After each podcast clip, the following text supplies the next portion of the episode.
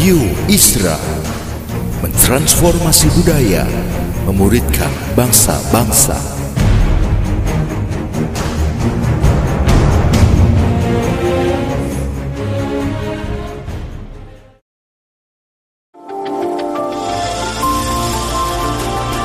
Voice of Pradaim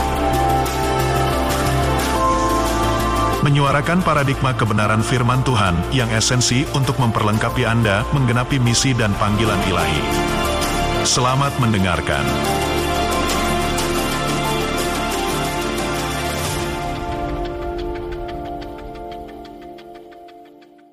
Bulan Januari yang lalu, kita membaca berita bahwa penyelesaian pembangunan kereta api cepat Jakarta-Bandung akan kembali mengalami keterlambatan. Kali ini masalah yang menghambat adalah kesulitan yang dihadapi pada pembangunan terowongan dua. Yaitu karena ternyata tanah di area tersebut adalah tanah lempung. Sehingga daya dukung tanah di situ sangat rendah. Akibatnya bila tidak dilakukan rekayasa teknologi maka terowongan tersebut akan bertumpu di atas fondasi yang lemah alias tidak cukup kuat untuk dilewati oleh kereta api yang melaju dengan kecepatan yang sangat tinggi. Kendala ini mengakibatkan presiden harus meninjau ke sana dan memberi penjelasan sendiri kepada pers. Hal ini menunjukkan pentingnya untuk memastikan kekokohan suatu fondasi. Untuk itulah mengapa sebelum membangun suatu gedung yang tinggi, orang harus terlebih dulu mengukur daya dukung tanah tempat di mana bangunan itu akan didirikan.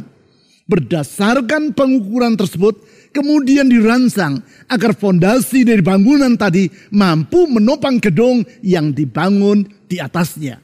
Memang, kekokohan suatu bangunan sangat ditentukan oleh kekuatan dari fondasinya. Demikian pula halnya dengan kekokohan pengharapan dalam diri seseorang.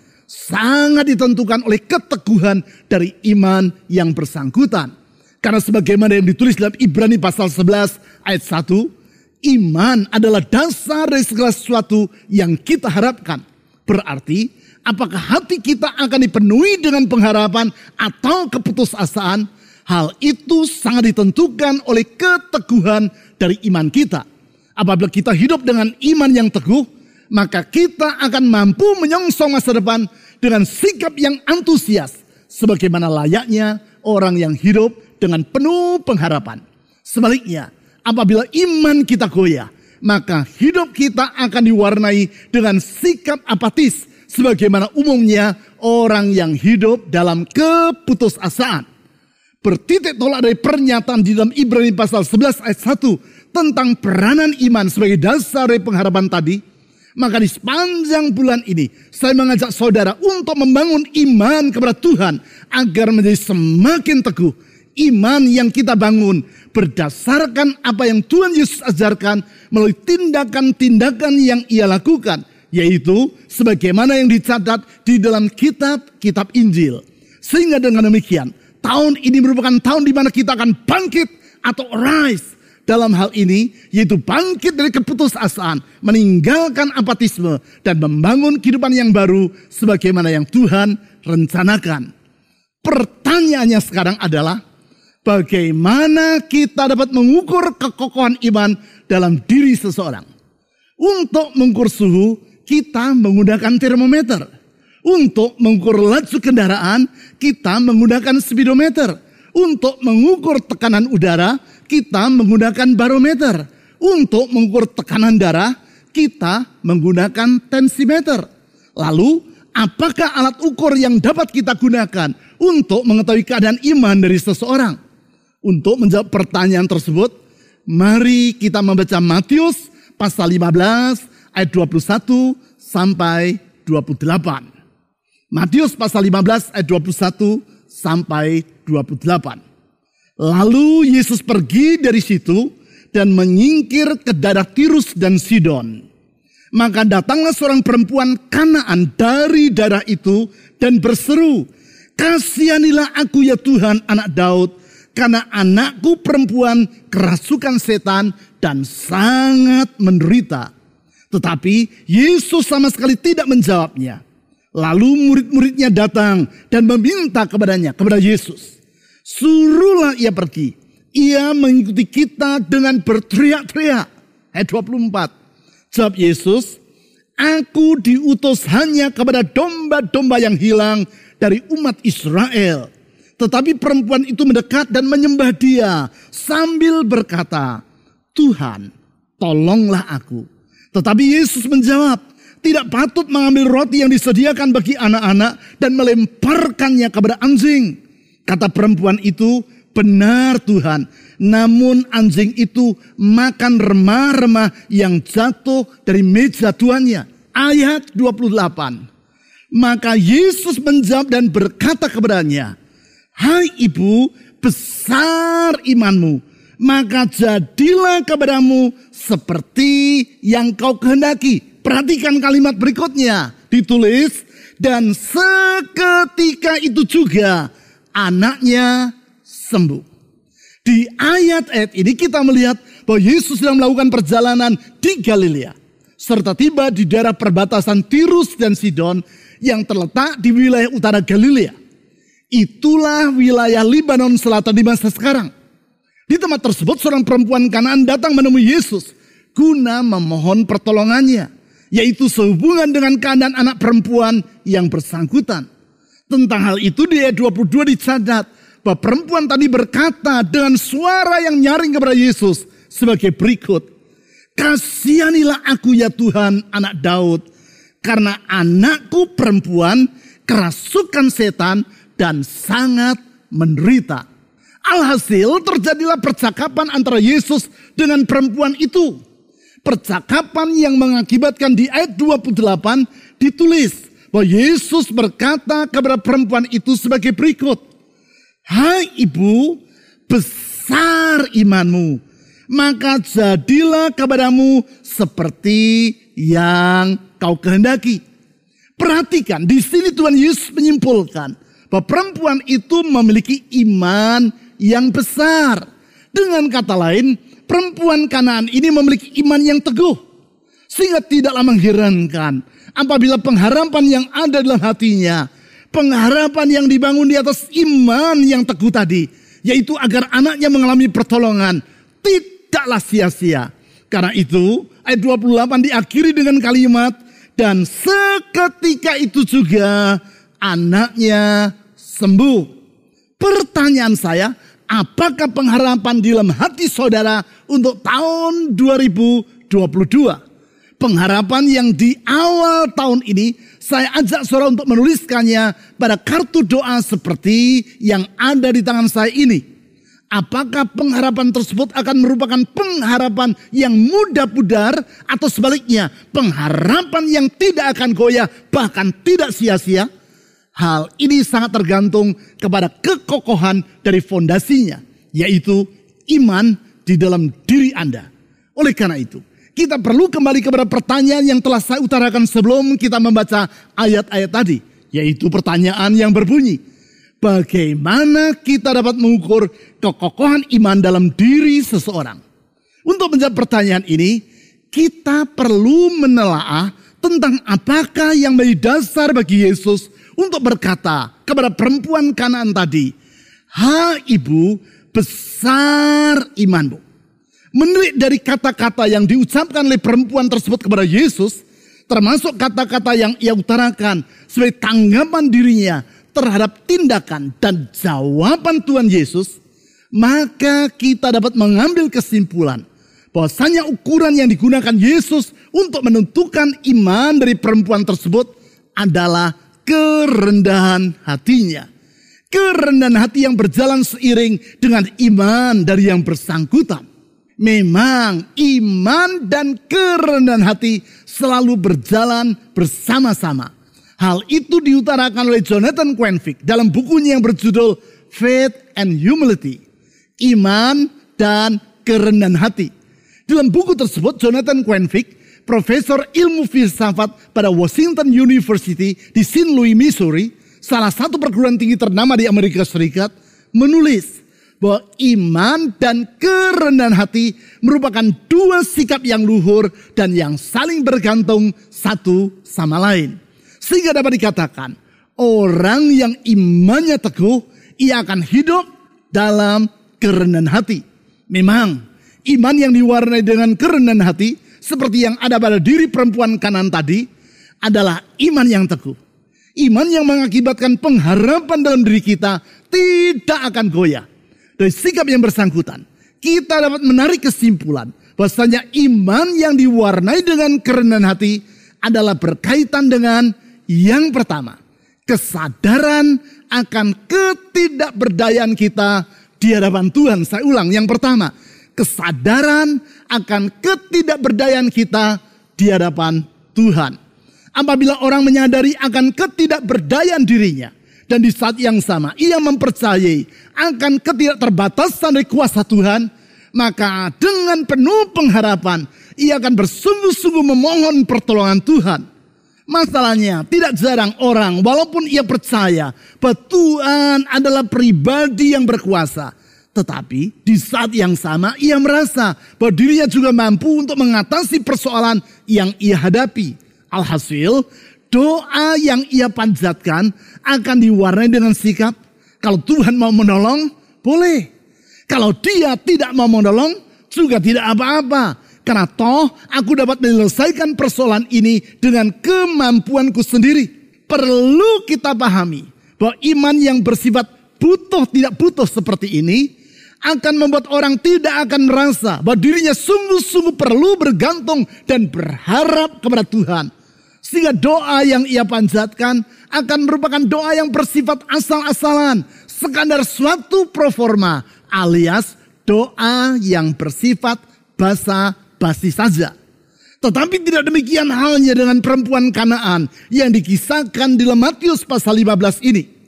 Doa yang ia panjatkan bukan sekadar basa-basi. Hal tersebut dicatat di ayat 23 sebagai berikut. Matius pasal 15 ayat 23. Tetapi Yesus sama sekali tidak menjawabnya. Di sini Yesus menguji kesungguhan hati sang perempuan kanan itu dalam memohon pertolongannya. Yaitu dengan sama sekali tidak menjawab permohonan yang bersangkutan. Kalau saudara mengalami hal seperti itu, apa yang akan saudara lakukan? Ngambek? Marah? Bukan itu yang dilakukan oleh perempuan kanan tadi. Sebaliknya dari ngambek dan marah, ia terus memohon pertolongan Tuhan. Hal itu nampak dalam perkataan para murid Yesus yang dicatat di kalimat berikutnya yaitu Lalu murid-muridnya datang dan meminta kepadanya, suruhlah ia pergi ia mengikuti kita dengan berteriak-teriak. Walaupun Yesus bersikap yaitu seakan-akan tidak menghiraukan dirinya. Namun perempuan ini terus saja mengikuti rombongan Yesus sambil berteriak-teriak guna memohon pertolongannya. Hal ini merupakan ungkapan dari kesungguhan hatinya dalam memohon pertolongan Tuhan. Kesungguhan hati yang tidak terlepas dari kesadarannya akan ketidakberdayaan dirinya dan keyakinannya bahwa Tuhan mampu menolong putrinya. Tentu bukan berarti bahwa manusia sama sekali tidak memiliki kemampuan apa pun juga. Alkitab menjelaskan bahwa Tuhan memberikan kemampuan atau talenta kepada semua orang. Namun kita harus menyadari, apabila dibandingkan dengan kesanggupan Tuhan, maka kemampuan kita sama sekali tidaklah berarti. Kesadaran ini akan membuat kita merendahkan diri di hadapan Tuhan. Dan bukan menepuk dada sambil membanggakan diri di hadapannya. Ingat, membanggakan diri di hadapan Tuhan adalah sama seperti perbuatan seekor semut yang menyombongkan kekuatannya di hadapan sebuah mesin penggilas jalan atau stone walls. Sebagaimana yang sering saya ceritakan. Perlu diketahui bahwa sebenarnya semut memiliki kemampuan yang luar biasa.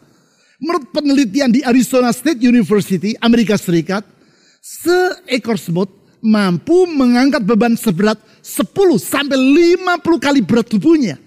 Hal ini sama seperti kalau semisalnya berat tubuh saudara 100 kg, maka saudara dapat mengangkat beban 1 sampai 5 ton. Padahal rekor dunia olahraga angkat besi yaitu atas nama Lasa Talakatse dari Georgia adalah seberat 267 kg saja. Artinya seekor semut biasa, bukan semut atlet angkat besi, memiliki kemampuan 20 kali di atas atlet pemegang rekor dunia angkat besi.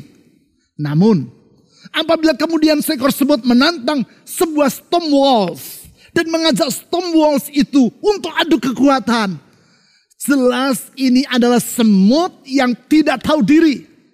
Semut itu harus menyadari akan keterbatasan dirinya di hadapan Stonewalls dan mempercayai bahwa kekuatan mesin penggilas jalan itu adalah tidak terbatas bila dibandingkan dengan dirinya.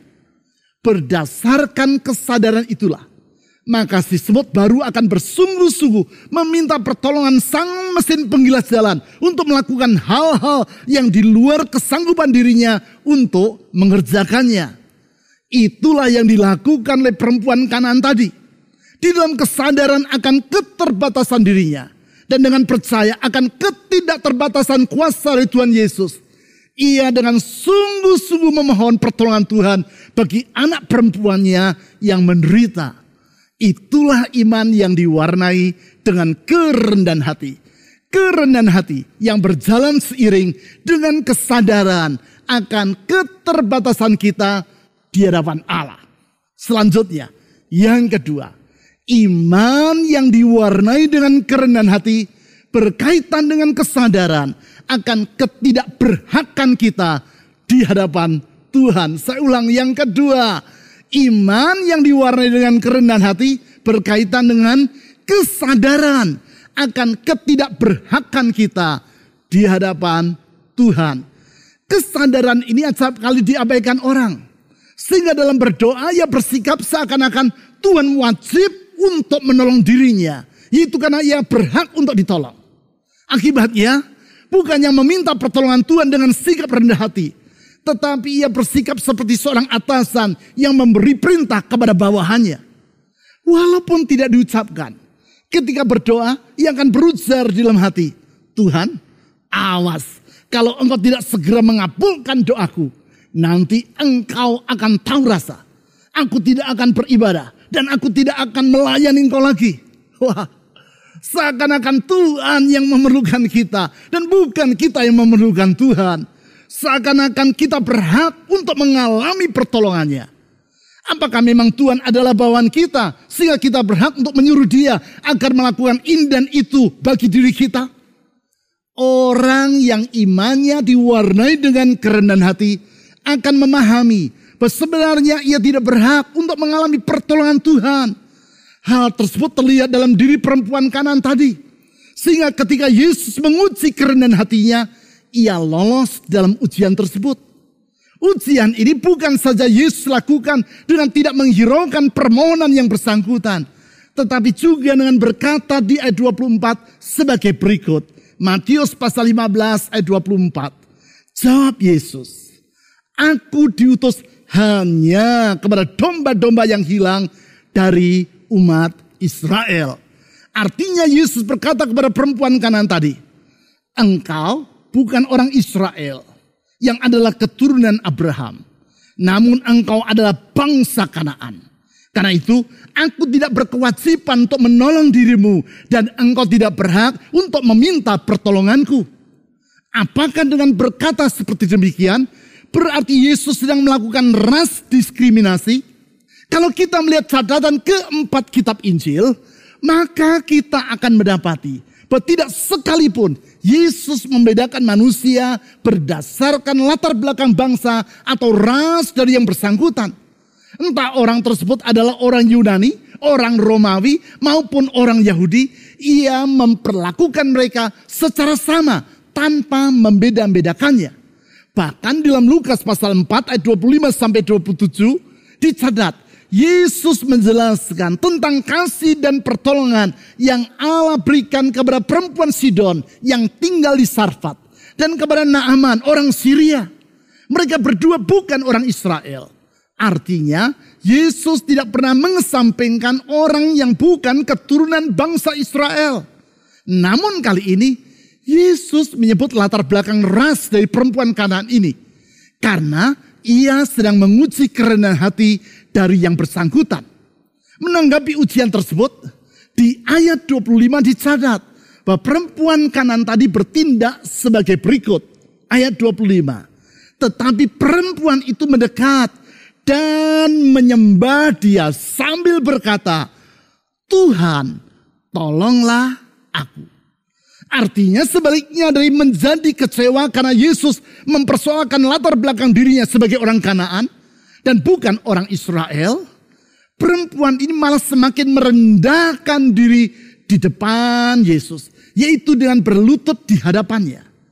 Tanpa beranggapan bahwa dirinya berhak untuk memperoleh pertolongan. Perempuan ini terus saja memohon agar Tuhan Yesus mengasihani dan menolong dirinya. Itulah kerendahan hati yang sangat mengharukan. Itulah iman yang diwarnai dengan kerendahan hati. Karena orang menyadari bahwa sesungguhnya ia tidak berhak untuk menerima pertolongan Tuhan. Sekarang yang ketiga. Iman yang diwarnai dengan kerendahan hati berkaitan dengan kesadaran akan ketidaklayakan kita di hadapan Tuhan. Saya ulang yang ketiga diwarnai dengan kesadaran akan ketidaklayakan kita di hadapan Tuhan. Sebagaimana acap kali orang lupa bahwa sesungguhnya ia tidak berhak untuk mendesak Tuhan agar menolong dirinya. Demikian pula mereka lupa bahwa sebenarnya ia tidak layak untuk menerima pertolongan tersebut. Ia tidak layak. Karena Tuhan tidak berhutang budi apa pun kepada yang bersangkutan. Sehingga orang itu pantas untuk menerima pertolongannya. Kalau Tuhan bersedia menolong kita, maka hal tersebut semata-mata adalah karena anugerahnya. Anugerah, yaitu kebaikan Allah yang kita alami. Bukan karena kita pantas ataupun karena kita berhak untuk menerimanya. Kebaikan Allah yang kita alami. Bukan karena usaha kita, tetapi semata-mata karena dia baik. Hal seperti itulah yang saya alami ketika suatu hari saat saya masih duduk di kelas 3 sekolah dasar. Saya terjatuh dan hanyut di sungai yang sedang banjir. Sebagaimana biasanya siang itu saya pulang dari sekolah dengan berjalan kaki melewati jembatan darurat yang terbuat dari bambu dan yang melintasi anak dari sungai berantas yang beberapa kali pernah saya ceritakan dalam khutbah saya. Cerita tentang bagaimana di malam hari yang gelap saya berjalan melewati jembatan itu tanpa merasa takut, yaitu karena ayah saya menemani saya. Hari itu sungai Berantas sedang banjir, yaitu karena membawa lahar dingin yang turun dari Gunung Kelut, salah satu gunung berapi di Jawa Timur.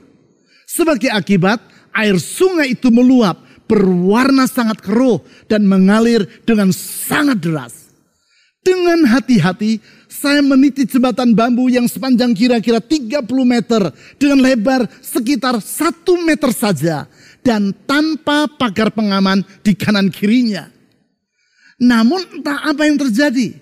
Ketika sampai di pertengahan jembatan, saya terpleset sehingga terjatuh ke dalam sungai yang sedang banjir tersebut. Seketika itu juga saya terhanyut dan tidak sadarkan diri. Ketika saya tersadar, saya dapati bahwa saya sudah berada di pinggir sungai dan berada di dalam gendongan seorang laki-laki yang bersangkutan, Pak Yatim namanya, adalah seorang yang bekerja sebagai perawat jembatan bambu tadi. Nampaknya melihat seorang bocah terjatuh ke dalam sungai tanpa berpikir panjang. Ia langsung terjun, berenang, mengejar saya yang sedang terhanyut, menangkap tubuh saya dan membawa saya ke pinggir sungai. Semua itu berlangsung dengan sangat cepat. Hanya saja kalau tidak ada yang menolong saya, Bukannya tak mungkin kepala saya terbentur kepada bebatuan yang berukuran sangat besar. Yaitu yang berdiameter lebih dari satu meter. Dan yang banyak terdapat di badan sungai tersebut. Benturan yang tentunya dapat berakibat sangat fatal. Sudah mengucap terima kasih kepada orang yang menolong saya tadi. Saya segera lari pulang ke rumah. Sekarang, sekian puluh tahun telah berlalu. Saya tidak pernah melupakan peristiwa tersebut dan selalu teringat kepada kebaikan hati Pak Yatim yang hari itu telah mempertaruhkan keselamatan dirinya untuk menolong saya. Apakah yang bersangkutan berkewajiban untuk menolong saya?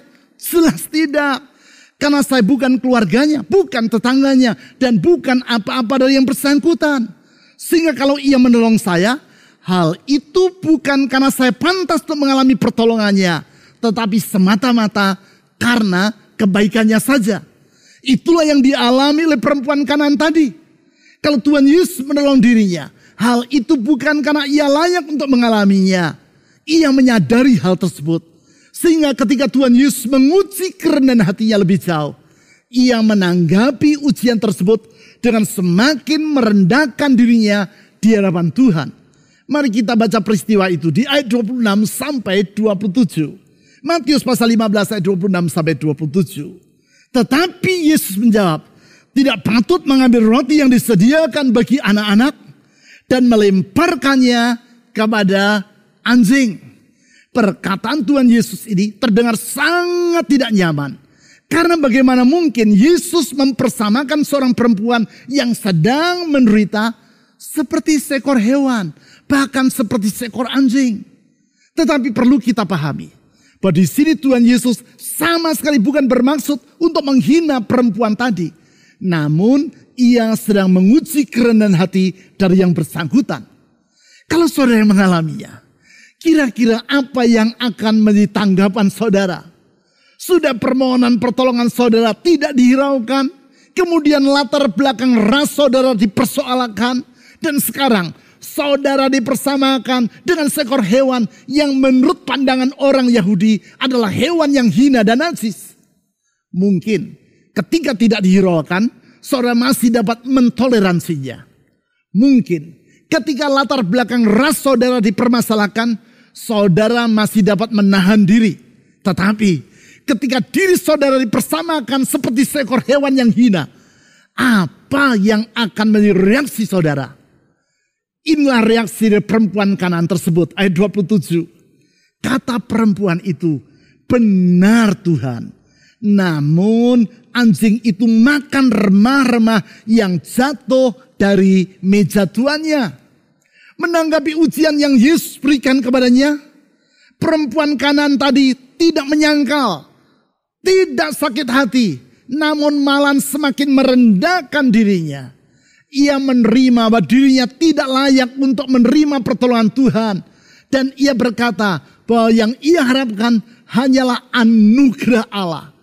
Anugerah yang disambutnya seperti seekor anjing yang makan remah-remah, yang jatuh dari jatuhannya. Suatu kerendahan hati yang sangat luar biasa kerendahan hati yang mewarnai imannya. Sehingga seperti yang telah kita baca di ayat 28 tadi. Yesus berkata, Hai ibu, besar imanmu. Maka jadilah kepadamu seperti yang kau kehendaki. Melalui ujian yang ia lakukan sebanyak tiga kali berturut-turut terhadap perempuan kanan ini. Yesus ingin mengajar kita tentang pentingnya kerendahan hati. Kerendahan hati yang merupakan ukuran dari iman dalam diri seseorang. Semakin seseorang bersikap rendah hati. Yaitu karena menyadari ketidakberdayaannya di hadapan Tuhan. Ketidakberhakannya di hadapan Tuhan. Dan ketidaklayakannya di hadapan Tuhan. Maka semakin nampak besarnya iman yang ada dalam diri yang bersangkutan. Iman yang merupakan dasar dari pengharapannya. Dan yang mengakibatkan pengharapan tersebut tidak menjadi goyah walaupun diperhadapkan pada kesukaran yang besar. Iman seperti itu sangat dihargai oleh Tuhan Yesus dan juga mengakibatkan pengharapan kita padanya tidak akan sia-sia. Itu sebabnya pengharapan dalam diri perempuan kanan tadi, yaitu agar Tuhan Yesus menolong putrinya menjadi kenyataan. Karena di ayat 28 ditulis bahwa seketika itu juga anaknya sembuh. Mari kita membangun pengharapan kita di atas dasar iman yang diwarnai dengan kerendahan hati. Dengan rendah hati kita berkata kepada Tuhan Yesus, Tuhan ampuni aku kalau selama ini aku beranggapan bahwa aku tidak memerlukan dirimu. Dan juga beranggapan bahwa aku berhak setelah layak untuk menerima kebaikanmu. Sekarang aku semakin menyadari betapa aku perlu bersandar dan bergantung kepadamu, dan betapa aku memerlukan anugerahmu. Anugerah yang sangat besar itulah yang Tuhan Yesus telah tunjukkan kepada kita melalui pengorbanannya sampai mati di kayu salib yang sesudah ini akan kita rayakan melalui mengambil bagian di dalam perjamuan kudus. Anugerah yang memungkinkan kita untuk memandang hari depan bukan dengan keputusasaan. Anugerah yang menyanggupkan kita untuk bangkit, arise, bangkit dari keputusasaan, meninggalkan sikap apatisme, dan oleh pertolongan Tuhan membangun hari depan yang baru bagi hidup kita seperti yang Tuhan telah rencanakan. Mari kita berdoa. Tuhan Yesus, Engkau adalah teladan dari kerendahan hati. Ketika engkau dihina, ketika engkau difitnah, ketika engkau dicaci maki, ketika engkau diludahi, ketika engkau dianiaya, disiksa sampai mati. Engkau rela menanggung semua itu bukan demi dirimu, tetapi demi kami manusia yang memusuhi dirimu, yang menghina dirimu. Oh Tuhan Yesus, Engkau tanggung semua itu tanpa mengeluh, tanpa mengomel, tetapi dengan penuh kasih kepada manusia kami yang seharusnya binasa oleh karena keberdosaan kami. Tuhan Yesus, tolong kami untuk dapat mengikuti jejakmu, hidup sesuai dengan teladan yang kau berikan. Kami sadar sebagai manusia, kami sangat terbatas di hadapanmu. Kami sadar sebagai manusia, sesungguhnya kami tidak berhak apa pun di hadapanmu. Karena engkau maha mulia. Sesungguhnya sebagai manusia, kami tidak layak di hadapanmu karena engkau maha kudus. Kami penuh dengan segala kekurangan.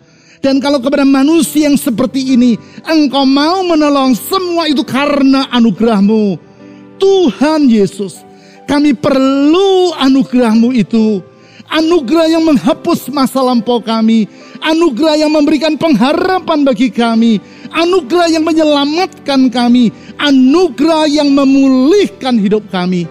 Tuhan Yesus, kami berdoa saat ini menyerahkan semua beban dan pergumulan dalam hidup ini kepadamu. Karena kami percaya anugerahmu cukup bagi kami. Anugerahmu cukup bagi kami. Tuhan Yesus, Engkau melihat hati yang menjerit kepadamu. Orang yang berseru menol memohon pertolonganmu. Tuhan Yesus, ulurkan tanganmu yang penuh dengan kasih dan kuasa itu. Memberikan pertolongan tepat pada waktunya memberikan kesembuhan dan pemulihan, memberikan pengharapan dan hari esok. Tuhan Yesus, dengar doa kami, doa yang kami naikkan di dalam nama di atas segala nama, nama Yesus Kristus, Tuhan dan Juru Selamat yang hidup. Amin. Sebab kau besar, perbuatanmu ajaib, tiada seperti engkau tiada seperti engkau Sebab kau besar Perbuatanmu ajaib Tiada seperti Tiada seperti engkau. Sebab kau besar Sebab kau besar. Perbuatanmu ajaib Tiada seperti tiada seperti engkau. Sebab kau besar Perbuatanmu ajaib Tiada seperti engkau tiada seperti engkau.